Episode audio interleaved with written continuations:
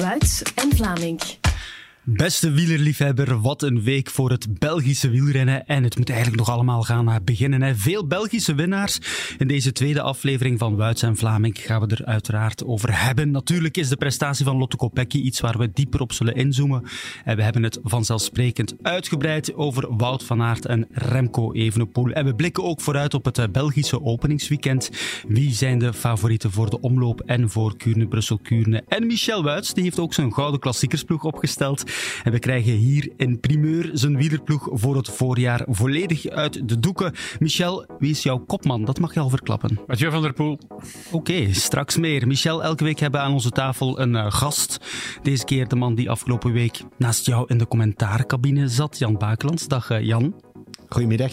Elke dag naast uh, Michel Wuit zitten, dat is uh, ja, een soort van droom die in vervulling gaat, uh, denk ik toch wel. Hè? We hebben weer iets moois neergezet en ja, het is een, een goed duo, denk ik, dat we vormen samen. En ik kijk uit naar de verdere samenwerking binnenkort al in Milaan Sanremo. Ja, inderdaad. Ik moet zeggen, ik ben een kijker. Ik mag dat ook wel zeggen. Het klinkt echt goed. Jullie, jullie eh, werken goed samen. Jullie vullen elkaar aan. Het botst soms eens, maar dat is net heel aangenaam om naar te kijken en naar te luisteren. Goed, genoeg complimenten. We gaan eraan beginnen, heren. Veel te bespreken. En laten we beginnen met de kannibaal van Schepdaal. We gaan naar andermaal een tweestrijd tussen deze twee grote. Martinez heeft andermaal ook weer overgenomen. Ja, kan even het is niet gedaan, nog eens een keertje terugkomen. Of ja. is het weer Het is weer stranden. Het is weer stranden. Het is de laatste bocht. Dus Martinez eh, gaat naar zijn eh, tweede etappewinst. Maar de eindwinst is voor eh, Remco Evenepoel. Martinez wint boven Alto de Malau. En Evenepoel is tweede, maar wint voor de derde keer de ronde van Algarve. Ja, en toen hij over de streep kwam in Malau, was hij toch in eerste instantie ontgoocheld omdat hij de rit niet uh, won. Maar hij wint wel de ronde van de Algarve. Ik denk dat, dat, ik, dat ik toon dat ik direct op elk parcours meekom. Uh, langere klimmen, iets kortere klimmen, steile klimmen, tijdrit. Uh, dus ploeg was in orde. dus ik denk over het algemeen is het echt een, een succesvol begin voor ons. En nu is het kwestie van rustig blijven, goed herstellen. En dan is het binnen twee weken weer uh, een belangrijke. Binnen twee weken een belangrijke. Hij heeft het natuurlijk over uh, Parijs-Nice. Maar goed, Michel. Succesvolle Portugese trip voor Remco Evenepoel. Hij is winnaar van de eendagskoers Figueira Champions Classic na een solo van... Uh, 55 kilometer ongeveer en dan eindwinnaar geworden van de Ronde van de Algarve. Ja, beter kan het niet, hè? Op uh, dit tijdstip in het voorjaar toch niet. Hè? Um, wat ik vooral onthoud, dat is maturiteit en leiderschap. Heeft een uh, ploeg op niveau gehaald. Een ploeg die eigenlijk op apengapen lag in oktober. Hè? Uh, die Aizona uh, eh, deels uh, voor het altaar stond en dan een, een extreem is dat huwelijk ging niet door, nergens meer was. Hmm. En dan waren ze noodgedwongen na het feit dat Visma alleen wilde doorgaan, om er toch weer aan te beginnen. En dan heb je iemand als Evenepoel nodig met die maturiteit om die ploeg weer op te krikken en te zeggen: Kom jongens, we gaan onze kop niet laten hangen, we gaan ervoor zorgen dat we meedoen voor de knikkers. En op wat voor een manier? Dan zeg ik hulde hulde. Jan, sluit je daarbij aan?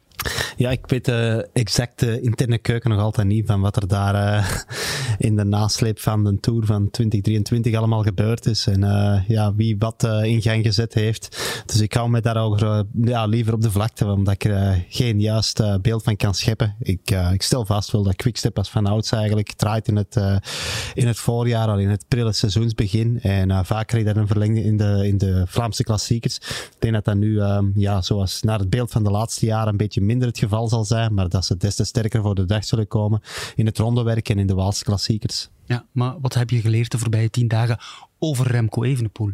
Over Remco Evenepoel, ja, wat ik al lang wist, dat uh, nog eens een bevestiging van wat we al lang wisten, dat er een ongelooflijk atleet is, uh, die vooral een ijzersterke wil heeft, altijd en overal wil winnen en dat eigenlijk ook altijd en overal waar Mm Je kan over details gaan. Hè? En je kan zeggen van, heeft op de Malau toch weer niet gewonnen. En op de Foya heeft hij ook niet gewonnen. Maar anderzijds zou je kunnen zeggen, heeft op de Malau nooit beter gedaan. Maar hij heeft ook pech gehad. vijfde, derde, nu tweede. Gisteren was er een mechanisch probleem blijkbaar. En dat was ook zo. Dat was ook zo bij het eh, herhaaldelijk bekijken van de herhaling. En dan zie je dat hij eh, vroeg bij de aanzet moet gaan zitten. En dat hij uh, zoekt naar een juiste versnelling, dat hij die niet vindt. Nee, hij is heel groot naar boven gereden. Ja. Mm Hechte ploeg, heb je al gezegd, Michel. Zag jij dat ook? Ben je tevreden over een Mika Landa? Want daar stonden toch wel wat vraagtekens achter, hè? Wat vraagtekens. Ik denk uh, dat Landa naar het beeld van wat hij uh, verdient en uh, van wat zijn status is in het internationale peloton trouwens altijd geweest, heeft gepresteerd en op goede voet is vertrokken. Maar ik denk dat hij intrinsiek ook heel gemotiveerd was om zich in die rol onmiddellijk te tonen. Omdat, naar ik heb vernomen, hij zelf had gaan solliciteren om die functie die hij nu bij Soudal Quickstep invult te verkrijgen. Dus ik denk dat hij ja, direct vanaf de eerste koers eigenlijk graag een punt wilde maken en heeft dat ja, fantastisch gedaan. Maar ik had eigenlijk ook niet echt anders verwacht. Het blijft natuurlijk afwachten. Hoe zal hij er staan op de echte grote momenten van de waarheid? Met alle respect, maar het blijft de ronde van Algarve. Mhm. Binnenkort uh, in de Tour de France ja, zal het uh, nog des te moeilijker worden. En ja, zal zijn steun des te crucialer worden. Want dan rijden we tegen ja, de allerbeste van deze wereld. Komen er ook nog een blik andere bij. En dan uh, kan hij zijn waarde of ons verwachtingspatroon echt gaan inlossen. Hè? Ja, we gaan toch al veel meer weten over een paar weken hè, in Parijs-Nice. Uh, waar Landa niet meedoet. Landa doet niet mee? Nee, die uh, gaat naar uh, Catalonië zeker? Ja, juist. Ja, ja, dat klopt. Catalonië, ja. dus die is niet in Parijs-Nice. Die wordt daar vervangen door Iran van Wilder. Maar wat Landa betreft, mij heeft hij wel verbaasd. Zo vroeg op het seizoen heb ik hem dit nog nooit weten doen. Gewoonlijk ligt hij nu ergens in zijn luie zetel en uh, geniet hij nog van een sigaartje en van een gin tonic. Ik weet, dat is allemaal clichématig, maar het zit zo in elkaar. Dus heeft hij toch wel op zijn 34 een extra uh, motivatie gevonden om zich voor iets in te zetten. En dat iets, dat is Evenepoel. Ja, maar ook de Vuelta hè, op het einde van de zomer. Dat daar mag hij zijn eigen kans gaan. Maar dat is nog ver van hier. Hè? Dat is nog ver van hier, inderdaad. Is die interne concurrentie binnen de ploeg al bezig voor een uh, selectie in de tourploeg? Oh, op een bepaald niveau zal dat altijd wel een beetje spelen. Dat zal gezonde concurrentie zijn. Aan het eind van de dag zijn er maar acht plekken en uh, daar kunnen er van één al wegstrepen, wegstrepen. Dat is die van Evenepoel. Dus dan schieten nog zeven plaatsen over. Normaal gezien zal Landa ook sowieso gaan. Daar is hij voor gekomen. En ja, ik denk, neem aan dat er vooral binnen zijn Belgische klechten uh, wel wat gezonde concurrentie is om, om die plaats te, te gaan innemen. Maar allee, ze kunnen niet allemaal gaan. En ja, het zal natuurlijk wel een, uh, een mijlpaal zijn in de carrières van die jongens om uh, met Remco Evenepoel dan nog naar de Tour te kunnen gaan en voor een klassement te strijden. Dus ja, dat, dat is eigenlijk meer publiciteit voor die renners dan wanneer zij zelf een koers zouden gaan winnen. Mm. Ik maak me niet te veel zorgen over de omringing in de bergen. Maar ik vraag mij af wie gaat er uitgekozen worden voor de omringing op het vlakke en op het golvende. Uh, waar je toch een type zoals een Moscon zou kunnen nodig hebben. Misschien wil Lampaard nog uh, op die manier uitpakken om daarvan toegevoegde waarde te zijn in de Ronde van Frankrijk. Maar daar moet ook wel eens stevig over nagedacht worden. Wie gaat dat invullen? Je kan dan natuurlijk uh, rekenen op een Asgreen die dat uiteraard zou moeten kunnen. Maar dan zal er een Asgreen moeten zijn die dan niet meer denkt aan een ritwinst, maar vooral in dat compartiment, in het uh, vrijwaren van de kansen in het begin van de etappe en het oplossen van problematieken onderweg. -hmm. um, eigenlijk stelt zich dat probleem minder dit jaar ja. door die start in Italië. Waardoor dat je eigenlijk toch minder die zenuwachtige ritten krijgt die ja, we vaak terugzien in het noorden van Frankrijk. Het noorden van Frankrijk dat dit jaar toch uh, grotendeels wordt overgeslagen. Er zijn natuurlijk wel een rit uh, over uh, grindwegen, maar die is toch vrij, vrij pittig, vrij lastig.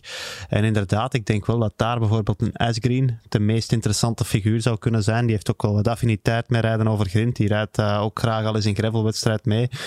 En voor de rest, ja, denk ik dat dat minder een probleem gaat zijn dan uh, in andere tours. Ik geef op een blaadje in die openingsrit in Italië van Firenze uh, richting uh, Rimini. Gaat het er meteen op zitten.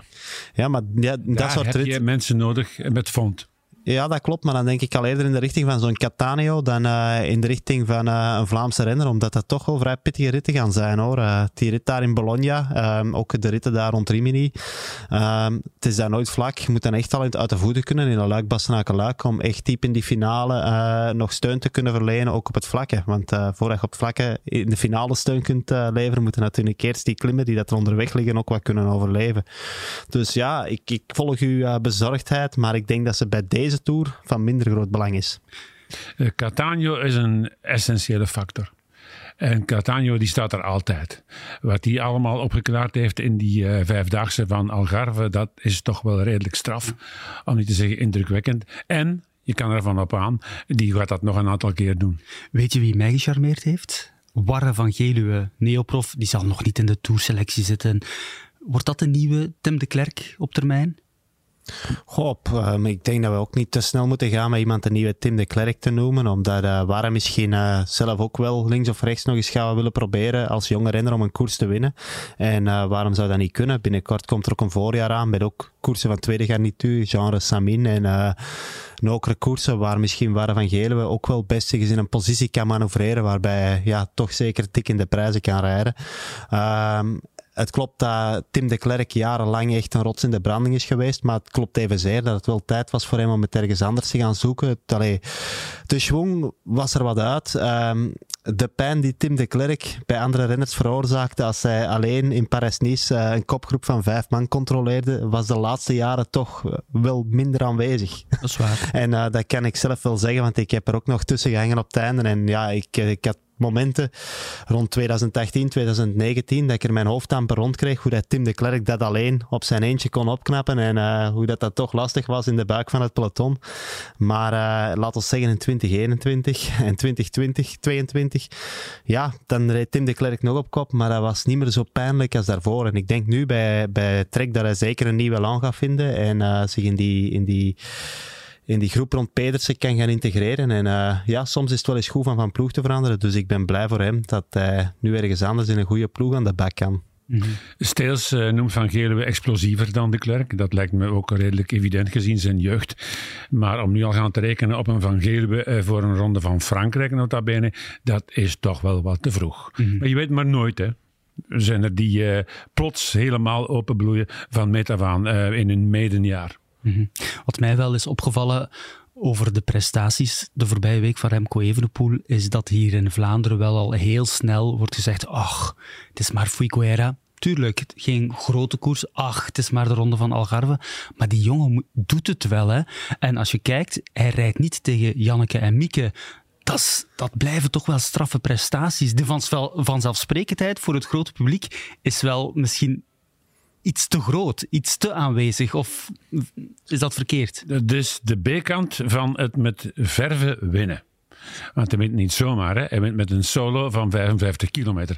Een solo zoals hij dat wel eens doet in een rittenkoers zoals de Ronde van Polen of elders, waardoor hij uh, rittenkoers uh, naar zijn hand zet. Um, de uitstraling daarvan, dat maakt dat hij uh, untouchable is. En dat slaat over op het publiek. En het publiek zegt van, ja, dat is dan maar normaal dat hij, dat hij wint. Ja. En dan krijg je na zo'n verliesbeurt in een sprint uiteindelijk bovenop Malau of op Foya de vraag die dan pertinent lijkt hoe komt het dat hij verliest? Je kan ook vragen van, amai, die wordt daar nog tweede, zeg. Ja. Maar hij stelt, hij stelt zich die vraag ook zelf. Hè. En hij weet meteen ook het antwoord, want onze kleine vriend, zei hij gisteren aan mij, is al op hoogtestage geweest. Dus dat is de verklaring. Ja, daar heeft, heeft hij gelijk. maar hij heeft een onblusbaar temperament. Hè. Ja. De Fransen zeggen daar heel mooi, een rage de vaincre tegen. Hè. Razernij om altijd te winnen. Ja, het is ook wel fantastisch als je dat uh, hebt. Zometeen gaan we even inzoomen op de prestaties van Wout van Aert. Maar laten we het eerst toch eens even hebben over die tijdrit in de ronde van Algarve. Want op voorhand werd die tijdrit aangekondigd als een eerste test voor de Olympische Spelen van Parijs. Uh, maar eigenlijk ook een test voor de Giro en de Tour. Um, ze willen allebei scoren natuurlijk hè, deze zomer. Evenepoel en Van Aert in Parijs goud pakken. Maar Evenepoel, die uh, won nu in de Algarve, was, was toch indrukwekkend, Jan. Ja, dat is, uh, een tijdritoverwinning is eigenlijk altijd indrukwekkend uh, voor de winnaar dan. Um, ja, en eigenlijk was dat bij Remco gewoon een bevestiging van wat we al langer wisten. Hè. We hebben hem vorig jaar wereldkampioen tijdrijden zien worden op een parcours dat zeker in de start niet echt het zijne was, waar alleen die late slotbeklimming um, eigenlijk in zijn voordeel sprak. En toch gaat hij daar die kolossen van 80 kilo um, vooraf, eigenlijk zelfs na dat vlakke stuk al. Ja, de tijdritfiets, uh, het rijden op het vlak, het blijft zo'n enorm sterk punt van, uh, van Remco. Dat, ja, dat, dat is bijna niet, uh, niet te begrijpen waar hij dat vandaan haalt. Hij is, uh, ja, wat is het, een kleine meter 70 groot. En hij rijdt rapper dan die, die mannen zoals Ghana, dan Wout van Aert. Het is uh, bijzonder straf. En ja, uiteindelijk het verlengde daarvan was wat we nu gezien hebben in, in de tijdrit in de Ronde van Algarve op zich niet opzienbarend dat hij wint. Maar ja, je moet het toch maar weer komen doen met de wereldtrui aan. Uh, met het dag na dag meekoersen. Andere jongens hebben zich misschien iets of wat kunnen wegsteken. Ik denk aan Bissegger om het uh, waar te gaan maken. Maar uiteindelijk, aan het eind van de dag, is het toch weer hij die het waar maakt. En bijna de volledige wereldtop was aanwezig. dat kun je wel stellen op Tarling na. Uh, waar ik het meest van onder indruk was, dat is de manier waarop hij met een groot mes die eerste klim neemt daarbij haast niet gaat zitten. En dan heb je dat uh, geruststellend gevoel. Dit is Evenepoel. Die gaat daar geen kwak van krijgen. Die gaat geen terugval krijgen. Die uh, gaat zich daaraan optrekken. En die trekt dat helemaal tot aan het eind door. En er is op dit ogenblik, in deze fase van het seizoen, geen concurrent die dat aan kan. Jan, een monsterverzet van 62. Leg dat eens even uit voor de wielerleek of iemand die daar niet al te veel van uitlegt. Hoe groot is dat? Hoe moeilijk is dat? Iets dat hij gepikt heeft van Victor Kampenaert. Um, ja, maar met die, um, nuance dat Victor Kampenaar dat deed, maar dat hij eigenlijk goede connecties heeft met de uh, Antwerpse start-up hier achter de hoek, uh, Classified. En die maken het dan mogelijk, zodat hij met een 62 rijdt, maar dat er eigenlijk een ja, soort virtueel binnenblad is ingemonteerd en dat hij wel een binnenblad heeft. En eigenlijk is mijn aanraden aan Remco Evenepoel en zijn ploeg om toch eens te gaan kijken daar, om eventueel dat systeem te gaan gebruiken. Want als ik dan moet lezen dat hij ja, die paar honderd meter, dat het echt stijl is, aan danseuse moet doen, dan denk ik wel, hier is nog marge voor verbetering. En dan zou ja, één aankoop van zo'n systeem dat uh, perfect kunnen oplossen. En dan verbaast het mij eigenlijk zelfs dat binnen je performance cell daar nog niet uh, aan gedacht is. Want inderdaad, dan kan die uh, voordelen eraf. En dan spaar je toch wel een beetje, aerodynamisch gezien, toch wel wat uit.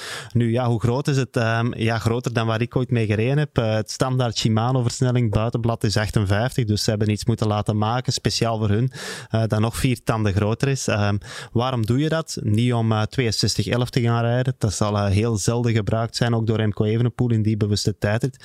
Maar wel omdat je dan uh, de, tijd, de ketting in, het uh, in, in, de meeste gevallen redelijk midden, uh, te midden van, van de pionblok achteraan kan leggen, waardoor je eigenlijk in, ja, wetenschappelijk gezien net iets minder wrijving zal hebben dan uh, wanneer je met bijvoorbeeld een 58 rijdt. Maar dan achteraan zal die ketting altijd uh, één tot twee tanden meer naar rechts liggen, waardoor je een tikkeltje meer wrijving hebt. En uh, ja, dat is natuurlijk een optimalisatieoefening. En hier is dat tot het uiterste doorgedreven. Ja. In mensentaal is het zo dat je als je met een dergelijk verzet start, als uh, gewone sterveling, dat je dan maar beter kunt vragen, zet die fiets bovenop een helling en geef mij een duw. Dan, is, dan bestaat de kans dat ik hem rond krijg. Ja, ik dacht dat hij mensentaal ging zeggen nu, Michel, uh, ja, dan breekt u benen als je dat probeert in gang te duwen. Misschien ook, kunnen. Misschien ook. Uh, dat enkel buitenblad, dat is niet nieuw. Hè? Ik rijd met een Alpine gravelbike met een SRAM systeem, is ook met één blad. Mm -hmm. is maar een 46. Ja. Maar zijn Misschien dat Michel een gravelaar was? Michel, gaan we samen gravelen? Ik ga je een keer komen... verbazen. Ik ga je een keer komen oppikken in Scherpenheuvels. Hè. Dan gaan we daar een paar trails doen. En nee, dan zet je terug... mee, jongen. ik kom mee Hij met een camera. Hij zelfvertrouwen altijd. maar goed, niet alleen zijn uh, versnelling, zijn monsterverzet... Uh, maar het gaat ook over de details. En hij is wereldkampioen en hij wil nog altijd beter worden. Want hij weet ook, de tegenstand staat ook niet stil. Die willen ook beter worden. Hij gaat dan deze winter in de windtunnel. Hij sleutelt nog aan zijn positie. Als je zag hoe hij eigenlijk lag op zijn fiets, dat is wel bijzonder mooi om te, om te zien. Hè? Niet voor niets is zijn bijnaam Arrow Bullet. Daar zal niet uh, veel meer aan te verbeteren vallen, hè? aan die positie. Hè? Ja. Het zal eerder uh, uh, aan kleine dingen liggen in het materiaal. In de kledij bijvoorbeeld. Hè? Jan heeft daar haarfijn uitgelegd tijdens de rechtstreekse hoe bepaalde bobbeltjes of golfbewegingen in zo'n tissu voor een grotere snelheid kunnen zorgen. Daar moeten we dan naartoe. Hè? Ik denk dat we voor in grote mate even een poel als tijdrijder dat hij op punt staat. Dat denk ik en uh, in dat eeuwigdurende proces van verbeteringen, men heeft geen andere keuze dan daarin mee te gaan. Hè?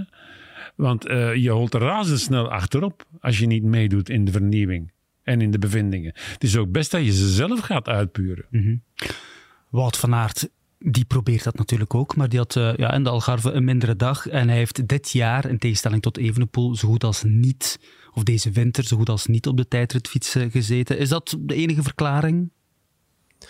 Um, ja, ik veronderstel van wel, want ja, op, op gebied van materiaal is er eigenlijk ook niet zoveel veranderd. Oké, ze zijn van merk van helmen veranderd, maar uh, daar houdt het dan op. De fiets is uiteindelijk dezelfde. Ik zag wel dat hij terug was gegaan naar uh, gewone extensions en niet naar die 3D geprinten, maar uh, daar zal ook wel een goede reden voor zijn. En soms blijkt dat aerodynamica testen dan, dat voor sommige renners die gewone extensions dan sneller blijken te zijn dan toch die 3D geprinten. Ik denk inderdaad dat we het moeten um, afschrijven op een, uh, ja, fysiek nog niet 100% zijn.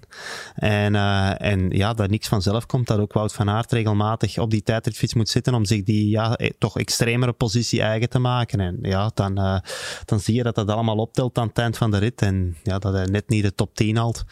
Maar ja, een, een, Wout van Aert in top, topvorm uh, zou nog moeite hebben gehad om in de buurt van Evenepoel te komen. De laatste jaren is ja, de vaststelling ook wel dat, dat Remco gewoon een, een, een klasse op zichzelf is. En de enige realistische uitdager die ik momenteel nog zie, die was hier niet, dat is Starling. Mm -hmm. Die is 19.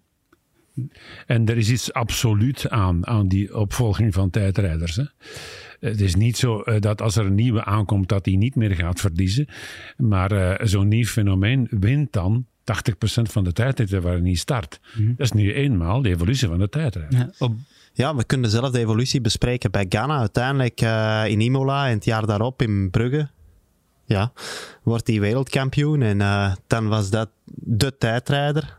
En nu is ja, het is al vreemd en vroeg om het te zeggen, maar het lijkt er wel op dat het zijn tijdperk om te winnen voor de wereldtitel er ergens wat op zit. En dat het nu uh, Remco Evenepoel is die de, nieuwe, die de scepter zwaait. Durven we dat nu al zeggen van deze zomer in Parijs, Olympische Spelen, zou het wel eens een gewone een, strijd tussen Evenepoel en Tarling Dat is een... Uh, Tarling extreme kans om te winnen. Um, mede doordat um, Remco Evenepoel de Tour in de benen zal hebben. Dat zal eigenlijk een doorslaggevende factor zijn. Van Aert zal zijn kansen zien stijgen doordat hij de Tour niet rijdt.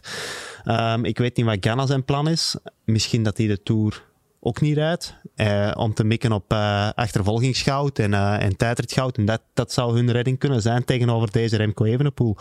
Want als zij allemaal zich ja, perfect voorbereiden voor op die ene dag top te zijn, dan denk ik dat er aan Remco momenteel op Tarling na niemand in de buurt komt. Tarling heeft dat wezenlijke voordeel, dat is dat hij weinig of geen andere zorgen heeft. Dat is zijn hoofddoel en de rest is niet second-hand, maar minder belangrijk. En bij Evenepoel is zoveel belangrijk. Zoveel. Bij Evenepoel is het verwachtingspatroon bij hemzelf, bij uh, zijn surrounders en al diegenen die daarachter zitten, dus alle supporters zo extreem hoog dat niet winnen een probleem oplevert. Mag ik nog wel iets toevoegen? Tuurlijk, um, bij een spelen is het natuurlijk wel zo um, dat er in tegenstelling tot uh, andere koersen eigenlijk drie prijzen zijn er komt niet naar. Ay, het is alleen in extreme middens uh, dat er ontgoocheld wordt. Bijvoorbeeld Remco zou ontgoocheld zijn met zilver, en dat kan ik wel begrijpen. Maar uh, de meeste coureurs die, die winnen toch brons en die winnen toch zilver. En uh, dat maakt het ergens dat er ja, relatief makkelijker kan gescoord worden dan op een WK tijd. Dat je daar tweede wordt, dan is precies of je hebt er niks van gebakken, wat eigenlijk helemaal fout is. Maar, uh... moet ik dat toch een beetje opdelen hoor. Uh, als uh, Axel Merckx in Athene brons haalt, dan is dat een overwinning. Als Van Aert in Tokio naar zilver sprint, dan is dat eindelijk een klein beetje een nederlaag. Ja. Het is voor elk Ondanks individu anders natuurlijk. En dat heeft natuurlijk te maken met de geschiedenis eh, van, de, uh, van het wielrennen als een uh, profberoep. Hè? Ja.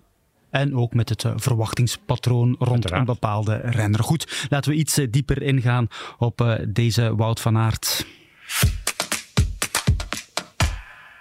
Ja, ik tevreden ben hoe ik deze week heb kunnen koersen. natuurlijk ook een rit gewonnen, dus dat is mooi.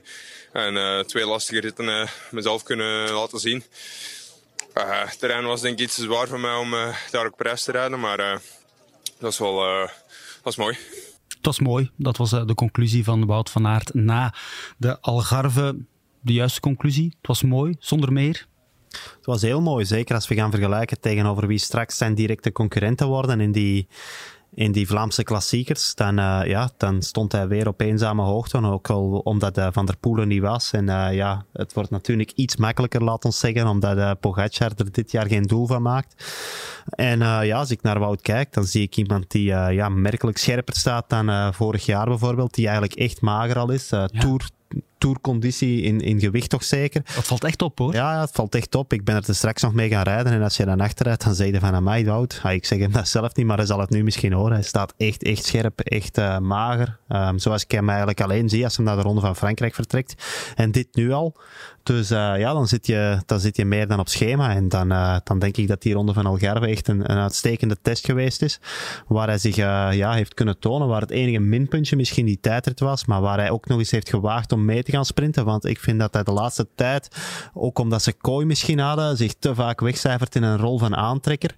Terwijl hij vroeger wel, laat ons wel wezen, over een paar jaar geleden wint hij nog uh, de massasprint in die rit in, uh, in uh, Camaiore. Lido di Camaiore in het Tirreno Adriatico. Een rit van niks. Geen, op, geen obstakels, geen vermoeidheid in de benen. Champs-Élysées heeft hij ook gewonnen. Hè? Ja, ja, maar ja, dan heb je al een tour in de benen. Dan zijn die andere sprinters al gekookt. Terwijl hier, ja, de snelste sprinters ter wereld die hem daar komen uitdagen, of die hij komt uitdagen, terwijl ze eigenlijk echt op hun terrein geklopt worden zonder vermoeidheid in de benen bijna. En hij, hij, hij, hij maakt er droog weg af. En dan vind ik wel dat Wout uh, zeker ook, kooi of niet, uh, veel moet blijven meesprinten in, uh, in de rondes die hij aandoet. En ook in de Giro straks niet zomaar ja, altijd moet beginnen van we gaan hier de sprint aantrekken voor Olaf, want die is misschien op training wel wat sneller, maar dan komen er x aantal dagen vermoeidheid in de benen en dan is Wout misschien de snelste. Veel zal afhangen van de moeilijkheidsgraad van de etappes in de Ronde van Italië. Hè? En dan kan hij inderdaad zijn, zijn streng trekken, zoals hij nu ook plots beslist heeft aan Cour de Route. Ik ga toch maar eens een keertje meedoen. Dat was een prettige beleving. Maar uh, het meest interessant vond ik zijn gedrag in de slotetappe in Algarve, waar hij in de huid van Wout van Aert in de Tour gekropen is. Waarin hij bagaar gemaakt heeft van bij het begin van de etappe en blijven aanvallen is om uh, Evenepoel en zijn compagnie onder druk te zetten. En dan ook nog eens zelf voor een eindnotering of eventueel een ritwinst te gaan. Dat vond ik best indrukwekkend. En het allerbelangrijkste is, dat, is dat, dat hij op die manier letterlijk door vermoeidheid te zoeken vorm opstapelt. Ja, dat wou ik net zeggen. Hij had het vooraf al over ik wil koershardheid uh, uh, hebben deze week. Dat is belangrijk met het oog op het openingsweekend. Leg dat eens uit, Jan. Hoe werkt dat? Koershardheid met het oog op het openingsweekend. Hoe, ja, hoe marcheert dat? Wat doet ja. het lichaam? Dat zijn communicerende vaten, zeker koershardheid en anderzijds frisheid. Dus je moet daar een mooie balans in vinden. Ik, uh, ik heb zelf meegemaakt en ik denk dat ja, renners dat allemaal willen kennen. Dat je ook te fris aan de start van een koers kan, kan verschijnen. En dat je ja, bij de minste inspanning een hartslag hebt die uh, te snel oploopt.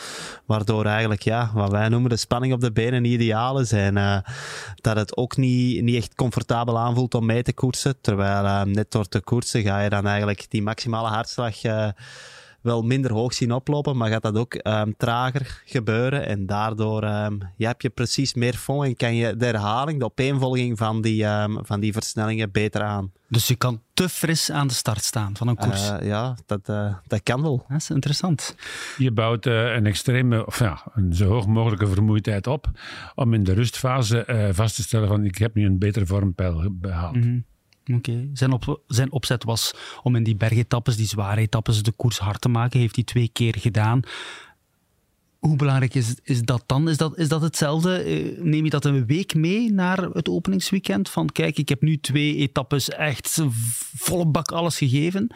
Wat, wat moet je dan nu deze week doen? Meer dan dat eigenlijk. Hè. Je moet rekenen, hij heeft daar ook nog de Gain Classic voor gereden. En uh, daarvoor nog Almeria. Dus uh, inderdaad, op uh, acht dagen, wedst- acht dagen heeft hij zeven dagen gekoerst. Uh, dat wil ik eigenlijk zeggen. Mm -hmm. Dus uh, ja, dat telt toch allemaal wel op. Hè. En uh, allee, ik denk dat hij deze week niet meer te veel zal doen, want het, zal, het is ook zaterdag al. Het zijn uiteindelijk maar vijf dagen. Gisteren naar huis gevlogen. Dat zijn al geen recuperatiemomenten op dat vliegtuig. Dus vooral opletten om uh, ja, niet ziek te worden. Hopen dat de kinderen die dat hij heeft uh, niks meebrengen van de crash of van school. En uh, ja. belangrijk, hè? Niet onbelangrijk, want dat heeft hij de voorbije jaren altijd opgedaan. Hè? Niet alleen van die kinderen, maar in de periode die er nu zat aan te komen, heeft hij vorig jaar nog eens COVID opgelopen. Hè? Mm -hmm. En ieder jaar is er zo wel iets, iets gebeurd. Ja. Vandaar ook dat ze hem langer uit competitie hadden, nu ook tussendoor, om uh, dat op te vangen. Ja. Je bent gaan fietsen, zei je met hem uh, vanmorgen. Heeft, dat, hij, heeft hij nog iets gezegd? Dat is het geheim, hè? Ah, nee, het geheim van het succes in de omloop. Gaan fietsen met Bakelands. Hè? Om mentale borst te krijgen. Hè? Dat zou wel eens kunnen. Maar ik moet dit teleurstellen. Anderzijds, eh, bij zijn eerste overwinning was ik er niet bij om eh, ermee te gaan losrijden, want nu kwam hij recht van Tenerife, denk ik. Maar eh, nee, eigenlijk is er weinig gepraat, want ik moest ook al redelijk snel hier zijn. Dus ik heb de koffie aan Daan Soeten en Wout van Aert overgelaten. Ik ben direct naar huis gereden, ben gaan douchen en naar hier gebold. Oké. Dus het, was, het was kort, ook omdat hij niet super vroeg kon vertrekken. Ja, doordat hij, er is een uur verschil. Oké, moet het u toch niet uitleggen. Ja, zeg maar ik ben net, ik kom rechtstreeks voilà. van Portugal naar Dus, hier. eh, maar hij wil niet zeggen, hij wil niet zeggen Wat mij zijn... interesseert is, ehm, wat zal het verschil zijn tussen Van Aert, die nog niet op hoogte stage geweest is, en de elementen binnen de ploeg, eh, en Laporte bijvoorbeeld, die wel al op hoogte stage geweest is. Ben benieuwd. Frisheid tegen hardheid. Daar zou ik wel eens een gesprek willen mee voeren met eh, die twee groepen van. Wat, wat heeft het nu opgeleverd, jongens? Oké. We moeten het over iemand anders hebben nu. Lotte Kopecky, zij heeft de UAE-tour gewonnen. Er zijn niet zo heel veel rittenkoersen bij vrouwen en Kopecky wint deze rittenkoers. Ze pakt ook de etappe op de Jebel Hafeet. Wat moeten we daar nu van vinden, van die overwinning? Het was een fascinerende zelfontdekkingstocht. Het was eigenlijk eh, voor jezelf een round-up maken eh, na iedere streep van 500 meter bergop. Wie zit hier nog naast me? Hoe voel ik me? En waar kan ik straks eventueel uitkomen? En dan Warempel ook nog winnen. Heb je dan een stap gezet als klimster? Ja, ongetwijfeld. Heb je dan een stap gezet richting winst in de Ronde van Frankrijk? Hmm, wees daar voorzichtig eh, met die uitspraak. Wel een stap in alles wat ze eh, onderneemt, want dat is gigantisch, ehm, met het zicht op een alweer riant voorjaar. Ja, ik ben, eh, ik ben niet volledig akkoord. Volgens mij is Lotte topfavoriete, en mede topfavoriete, samen met Demi Vollening om die ronde van Frankrijk te winnen, als ze dat zelf zou willen. Heb je het profiel van de laatste etappes al eens bekeken? Onbelangrijk, eh, Michel, want uh, zijn ja, twee ze was- ja, ik met, weet met het. eh, hooggebergten. Hè? ik En weet het, één. maar ze was vorig jaar tweede. Ze heeft eh, duidelijk nog een stap voorop gezet, want ze, ze, ze deed eigenlijk wat ze wilde op die Jebella feed. Ehm, ik heb haar eh, op Instagram een vergelijken bericht met wat in gestuurd om te zeggen dat ik het echt indrukwekkend vond. Ah, goh, ja, niet, niet te vergelijken. Het is ook nog maar februari. Ik veronderstel dat Lotte nog wel wat kan verbeteren. En ehm, ja, nee, ik heb eh, echt meer en meer de indruk dat we van Lotto echt het laatste nog niet gezien hebben. Ik was ooit, eh, stond ik langs de kant in de Giro Donne. Ehm, toen Lotte nog ja, jong en onbekend was, zullen we zeggen. Een klimtijdrit in Eh, de Sunweb-vrouwen reden daar naar boven en maakten eigenlijk een beetje mee het goede weer. En Lotte kwam daar ook aan. En dan we zien hoe dat, wie zij toen was als atleten en waar ze nu, ehm, ja, laten we zeggen, een vijftal jaar later, nog niet eens, staat, dan, eh, ja, dan kan ik alleen maar positief zijn over waar zij uit mag komen. En ik kan Lotte maar één raad geven. Eh, mik hoog, mik boven wat dat je denkt dat je kan, want het zou wel eens realiteit kunnen worden. Het verschil was drie minuten. Met Vollering was eh, drie minuten. En ik eh, zit nu met belangstelling uit te kijken. Komen er nieuwe klimsters naar boven? Ja, Eh, wat gaat Van Empel doen? Want Van Empel is een geboren klimster. Dat zie je gewoon zo op het oog. Wat kan een Realini? Er zijn er wellicht nog een paar van de jongeren die komen kloppen. Maar Lotte Kopecky kan zichzelf geen pure klimster noemen. Vollering overigens ook niet. Dat zijn eh tempo-vrouwen die eh, van de rest kunnen wegrijden. Puur op, op, op power en, en op dat eh, tempo. Maar er zijn erbij, à la van Vleuten, die van verder kunnen vertrekken en die bergop de rest op achterstand kunnen zetten. Mhm. Maar ik onthoud toch eh, dat... Ja, dat is eigenlijk voor mij het hele punt hier. Hè. Ehm, dat zeg je goed. Ehm, we zitten hier in een, eh in een machtsvacuum in die rondes. Van Vleuten is weg. Eh, was vorig jaar eigenlijk al weg. En er is nog niemand echt die dat is gaan claimen. En daar, in dat soort jaren krijg je verrassingen in, eh in Ronde van Frankrijk, ook bij de mannen. En dan zijn er veel dingen mogelijk, en dat zeg je correct. Ik denk zeker niet dat Lotte ineens een klimster geworden is of zal worden. Ehm, ja? Van, van Empel daar is- iemand die dat, op termijn, eh, misschien volgend jaar al, misschien dit jaar al, dingen kunnen snel gaan soms, al kan gaan claimen. Hetzelfde kunnen we zeggen van Puk Pietersen misschien. Maar momenteel ja, liggen de kaarten zo dat het wel eens zou kunnen lukken. En ehm, ja, als het wel eens kan lukken in een ronde van Frankrijk, dan is dat een kans waar je eigenlijk alles de rest voor, eh, voor moet opzij schuiven. Is dat? Dat eh, vragen wij er allemaal van. Hè? ja, niet, wij vragen het niet. Wij analyseren en we zien natuurlijk wat ze doet. En ik vind het wel interessant dat, dat jij denkt dat dat toch heel moeilijk gaat zijn. Inderdaad, want Demi Vollering is ongelooflijk sterk. Maar Jan zegt, ze kan de Tour winnen. Dat is, eh, dat is duidelijk. tweede In- kan worden, dan eh kun je winnen ook. En eh, ja, ze kan het ook alternatief doen. Hè. Je moet niet wachten tot die twee ritten dat het bergop gaat. Hè. Daarvoor zijn er zes ritten waar ook dingen mogelijk zijn. En waar kan... eh, Dan moet er veel veranderen worden, binnen de schoot van de ploeg. Want kan dat, is zo, een maar ander, staan- dat, dat is een ander probleem. Ze zitten in dezelfde ploeg als Vollering. En in de vorige ronde van Frankrijk heeft die ploeg, naar mijn indruk, voor eh Kopecky niks gedaan. nee, maar het is waar. misschien dan voor volgend jaar. Want Patrick Lefevre heeft al gezegd dat ze weg is. Dat ze naar een andere ploeg Ah, eh, is. bruggetje. Eind eh, 2024 is het transfervrij. Wat is daar nu van aan? Ja, en is Demi Vollering misschien binnenkort weg? Want als ik alles wat daar in de pers wordt gezegd moet gaan UAE. Ja. Ik denk dat Lefevre wel andere zorgen om zijn hoofd heeft. In zijn eh, mannenploeg. Eh, in maart 25 brengt hij zijn sponsoren bij elkaar. Ja. Ehm, en eh, gaat hij de vraag stellen van hoe zit het? Want ik heb even een onder contract tot eind 26. Kunnen we daarmee door? Eh, Mohawk heeft in het vierde kwartaal een netto verlies neergezet van 440 miljoen dollar. Eh, dan vraag ik me af, eh, gaat eh, Quickstep nog doorgaan als dochterbedrijf van Mohawk met sponsoren? Nou, dat zullen we nog wel zien. Maar de vraag is, Vollering en Kopecky in dezelfde ploeg, is dat nog lang houdbaar? Voor de kijker, voor de buitenstaander, liever niet. Liever Wie- niet. Maar, Maar als je Kopecky bent, Maar dan wil je toch... heb je natuurlijk de zekerheid binnen de schot van zijn ploeg van ja, ik ga winnen. Want ik krijg ruggensteun van mijn grootste concurrenten. Oké. Voilà, dat is eh, helder. Straks blikken we vooruit op het eh, Belgische openingsweekend. Maar eh, ere wie ere toekomt natuurlijk, want het is een mooie week geweest voor de Belgen in de koers. Want behalve Wout van Aert, Remco Evenepoel en Lotte Kopecky waren er nog heel wat Belgische winnaars de voorbije week. Laten we even kort overlopen. Maxime van Gils, die is eh, de winnaar in de klimtijdrit in de Ruta del Sol. Hij is ook de eindwinnaar geworden daardoor, want eh, ja, ingekort door We eh, zijn erop omstandigheden. teruggekomen vandaag trouwens. Ja, hij is eindwinnaar geworden, maar hij heeft wel maar 20 UCI-punten gekregen in plaats van 220. Maar hij is wel nog altijd de eindwinnaar. Ja, ja, ja. Dat is wel jammer voor eh, Hij is Lotto. want als hij eindwinnaar was, kreeg hij hem 200 punten. Hè? Ja, ja, wel vooral jammer voor eh, Lotto Destiny. Hè? Ja, maar ja, we moeten ook serieus blijven. Het zou een beetje competitievervalsing worden. Hè. Ja. Dus eh, het is heel goed voor eh, Maxime eh, dat hij 20 punten krijgt. En hij moet zich vooral optrekken aan zijn overwinning. Maar eh, we moeten het nu ook niet in belachelijke gaan trekken met die punten. Er hangen ook iets te veel eh, belangen aan vast om eh, dat het nu wel echt een gouden geschenk geweest. Mhm. Hij wint die tijd het wel met een voorsprong van 10 seconden. En dat is voor mij eh, het allerbelangrijkste. Dat wil ik onthouden. Op 5 kilometer. Meer is er niet te beoordelen, maar dat was voor mij een grote verrassing. Oké. Gerben Thijssen. Ayuso op 10 seconden, hè? Ayuso, niet van de minste natuurlijk, van eh, UAE. Gerben Thijssen, die eh, andere Belg in de Algarve, heeft een eh, sprint gewonnen. Plaats in de tourselectie komt dichterbij, heeft uh, Eike Visbeek gezegd, de manager van Intermarché. Dus terecht, dat zal afhangen van hoe hij uit de Giro komt. Als hij daar afgemat uitkomt, dan zou ik zeggen nee.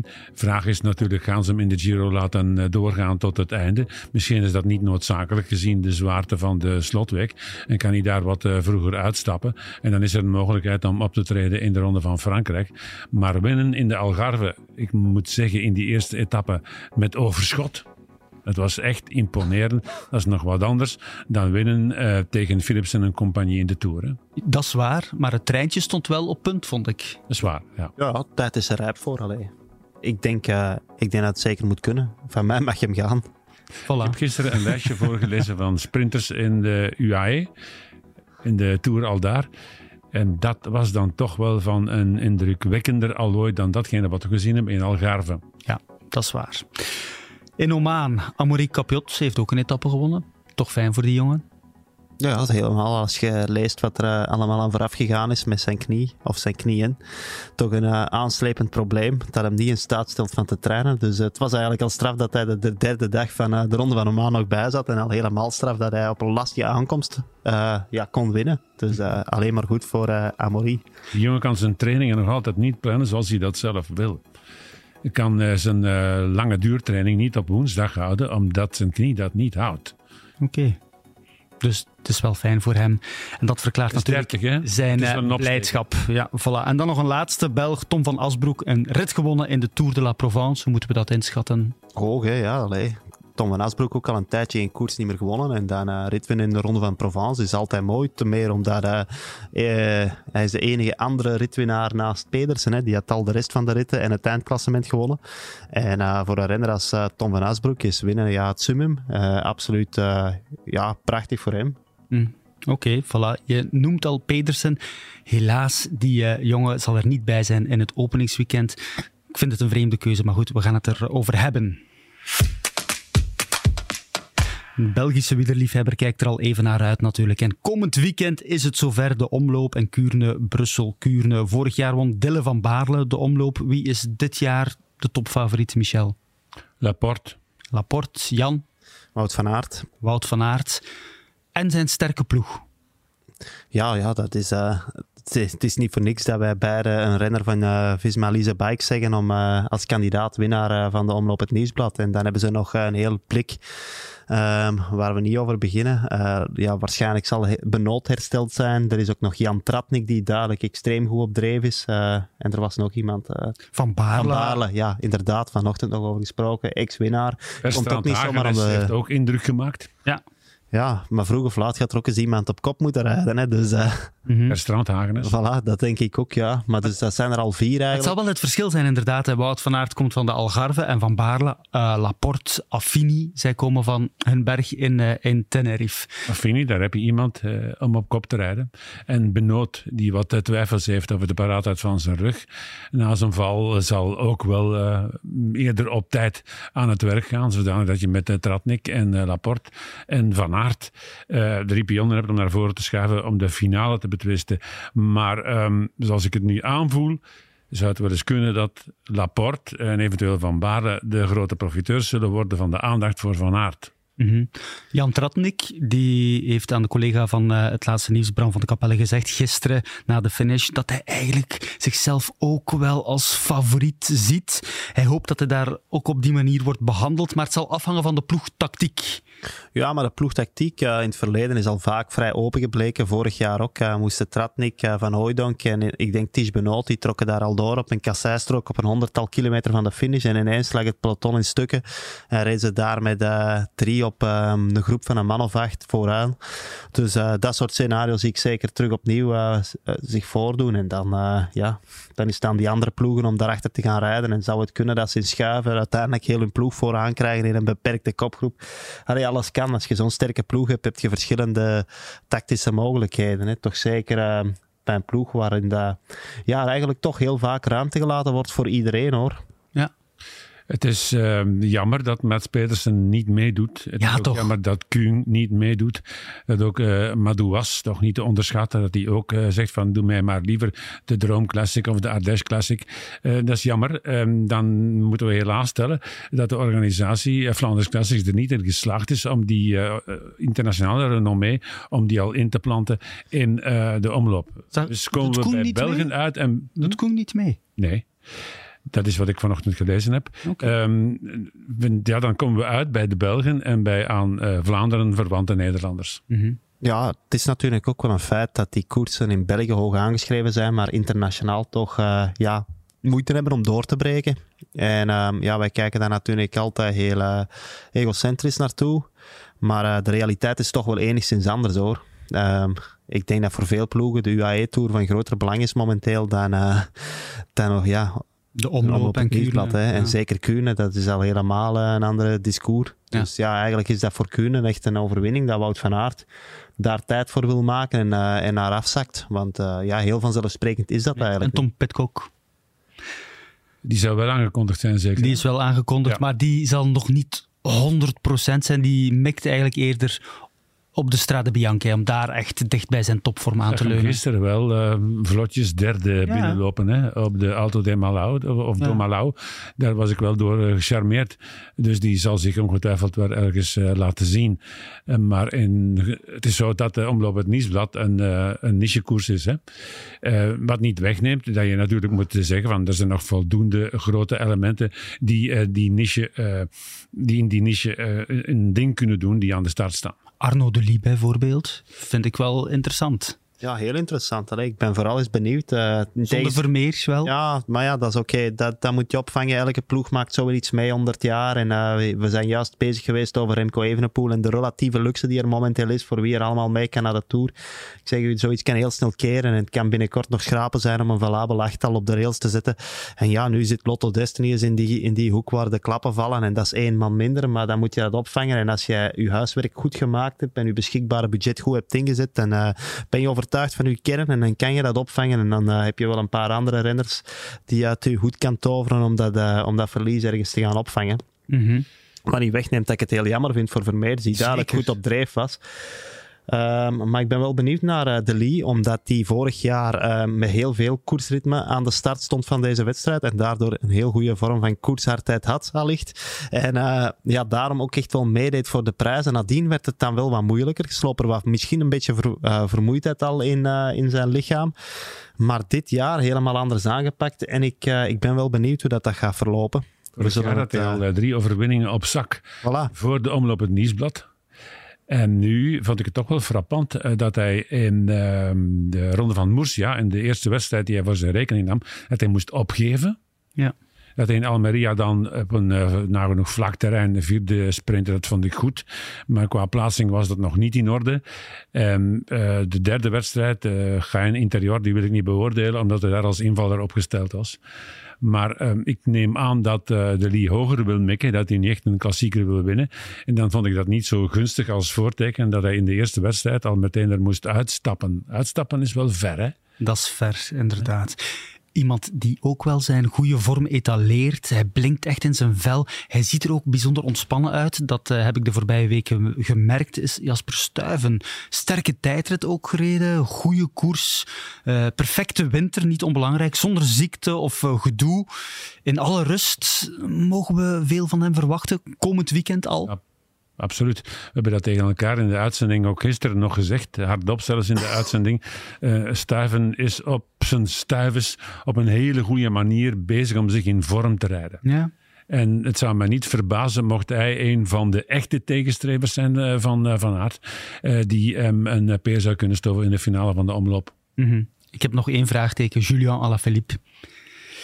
En Casper Asgreen, die twee, het duo van Quickstep. Daar zal het voorjaarsgeluk van uh, uh, Quickstep, van Sudal Quickstep, in grote mate van afhangen. Oké. Okay. En dat is maar zeer de vraag hoe zij voor de dag gaan komen. Hè. Uh, voor mij is dat koffiedik kijken. Ze voor kunnen mij. verrassen en ze kunnen geweldig tegenslaan. Er zit weinig tussenin. Ja, ik denk, uh, ik denk dat dat allemaal wel zal meevallen. Ik weet niet, heeft Asgreen eigenlijk al gekoerst? Dan, uh... Heeft Asgreen al gekoerst? Ik weet dat Juliana Philippe alleen Ah, ja, Down Under ja, heeft uh, gekoerst. Dus. En dat zag er uh, niet zo slecht uit, inderdaad. Nee. Maar uh, Asgreen heb ik... Ik weet het niet, dus ik, ik denk niet dat Asgreen al gekoerst heeft. Want, nee. of hij heeft dat heel goed kunnen doen tussen de plooien van de kwaliteit laten vallen. Maar ja, in principe zijn dat wel renners, toch zeker in het in het peloton van, van deze omloop het nieuwsblad die een hoofdrol moeten spelen. Ja. Uh, Alaphilippe, uh, zeer degelijk tot uh, zeer goed. Maar het is wel vreemd dat iemand met die ervaring fout timed in een aankomst bergop. dat, is, dat is wat hem overkomen is. Dat is maar goed, hij zal nu wel alert zijn. Michel, ik ben benieuwd nu. Echt heel erg benieuwd. Ah ja, ja, ja. Het boekje. Het boekje. Je hebt een boekje mee. Jouw ploeg voor de Gouden Klassiekers, Michel Wuits. Jouw kopman, die kennen we al. Dat is uh, Mathieu van der Poel. Nog even wachten op hem. Wanneer uh, komt hij in actie? We weten eigenlijk zijn officiële programma nog niet. Maar Michel, nee. je moet 15 renners kiezen met een maximumwaarde van uh, 275 miljoen euro. Zo gaat dat. de Gouden Klassiekers, welke namen staan er nog op jouw je blad? Weet nog, Stijn, dat je met 275 miljoen euro half de World Tour zoals die er vandaag uitziet, zou opkopen. Ja. Dus dan zou je eigenlijk uh, de helft van de ploegen kopen. Ja. Ik zal je nog uh, meer verheugen. Ik ben toegekomen met 274 miljoen. Dus oh. hierbij ga ik een miljoen Wacht, doneren Michel. aan een goed doel. Ah, ik dacht dat we nog een keer gingen eten dan. Dat uh, doe ik met mijn zakgeld, Jan. van der Poel dus als kopman. Ik heb voor Pogacar gekozen. En Van Aert. Dat is zo mijn trio waar ik het mee doe. Al is het niet evident om nu de juiste keuzes te maken, nee. omdat die mannen geweldig verspreid zitten. Enorm verspreid. Ja. Het was een moeilijke oefening, denk ik. Hè? Het is een hele moeilijke oefening. Ik heb daarnaast nog voor andere evergreens zekerheden op uh, veel puntenwinst gekozen. Met Laporte, Mats Pedersen en Philipsen. Wat kunnen we daarop zeggen, Jan? Wat kunnen we daarop zeggen? Daar kunnen we niks op zeggen. Ja, als het geld aan de bomen groeit, dan kan ik ook zo'n ploeg maken. Ja, ik ben wat, een, wat, een, wat een onnozelspel. Ik ben, ik ben op mijn herhaal doorgegaan. Je moet geen keuzes maken hier. Je pakt gewoon al de beste coureurs van de wereld. Ja, ik ga nog even door. Ja, ja. Ik heb er Healy bij gezet, ja. omdat je daar ook... Uh, Was dat voor of na gisteren? Appartementsgebouwen kunt opbouwen na gisteren. Ja. Uh, Olaf Kooi, omdat dat volgens mij iemand is die en uh, sprints kan winnen en zich ook kan plaatsen uh, in uh, vluchten in semi-klassiekers. Matteo Trentin, die ik hele leuke dingen zien doen heb in die voorbereidingswedstrijden. Gerben Thijssen, op basis van de vlotheid waarmee hij die eerste etappe won. En dan, dan schakel ik radicaal over naar de jeugd en hier kom ik met kleinere budgetjes voor de pennen. Oké. Okay. Romain Grégoire. Als Neo fantastische dingen laten zien. Um, Segaard. Alec. Uh, Axel Laurence, wereldkampioen bij de belofte. Bezige vent. Gaat volgens mij nu al in staat zijn om mee te doen in finales. Finn Fisher Black. Dan had ik toch Del Toro gepakt. Nee, uh, Fisher Black is tweedejaars en gaat verder komen. En dan uh, Junior Reserve. Van de Soudal oh, ja? Quickstep ploeg. Ja, mooie ploeg met als kopman Mathieu van der Poel. Ben toch benieuwd wanneer we die uh, op de weg uh, zullen zien, Van der Poel. We weten wat zijn programma Sanremo. Je, je kent zijn programma? Nee, ik zou het willen ah, weten. Ja, nee, is nog niet officieel. Jan, ken jij zijn programma? Nee, nee, ook niet. Nee. We moeten uh, eens inbellen bij Roodhoofd of bij uh -huh. Alpes in de Keuning. Dat is uh, iets lossen, hè. maar uh, ik denk dat we het binnenkort wel zullen weten. Maar ja, voor Van der Poel is er absoluut geen druk. Ik denk dat hij liever nog meer dan zijn eigen ploeg zou willen zo snel mogelijk beginnen, omdat er de drang is om zijn prachtige trui te tonen. Ja, maar normaal gezien ging hij vorige week zijn programma bekendmaken, maar plots ah, ja? het uitgesteld. Het was normaal gezien de 17e, ergens in Spanje. Hij is maar... terug van te gaan skiën. Ja. En uh, dan denk ik ja. dat ze hem even wel... Hij zal misschien zelf gezegd hebben, jongens, laat mij alsjeblieft eens even doen. Ja, maar ik beken, ik heb aan uh, Pogacar en aan Van Aert getwijfeld. Hè? Ja? Ja, uh, waar kom je die tegen? En hoe kun je daar dan mee scoren? Hè? En waar wil Van Aert scoren als dat uh, bij uh, E3, bij Ronde van Vlaanderen en Parijs-Roubaix blijft? Dan is dat niet zo riant. Hè? Ja, maar als hij drie keer wint... Vandaar dat hij erin staat. Voilà. Benieuwd of je er dit weekend ook mee zal scoren, want dan begint de koers eindelijk hier bij ons, de omloop en Kuurne, Brussel, Kuurne. En volgende week maandag bespreken we het Belgische openingsweekend in een verse aflevering van Wuits en Vlaming. Jan Bakelands, merci. Graag gedaan. Michel Wuits, merci. En uh, ook u bedankt om te luisteren trouwens. Dat wil ik er nog wel uh, graag bij vertellen. Als u denkt dat u een betere ploeg kan samenstellen dan Michel Wuits, ga dan naar goudenklassiekers.be. Al is het maar om te zeggen dat het peloton voor u minder geheimen heeft dan Michel Wuits. Heel graag tot volgende week. Wuits en Vlaming.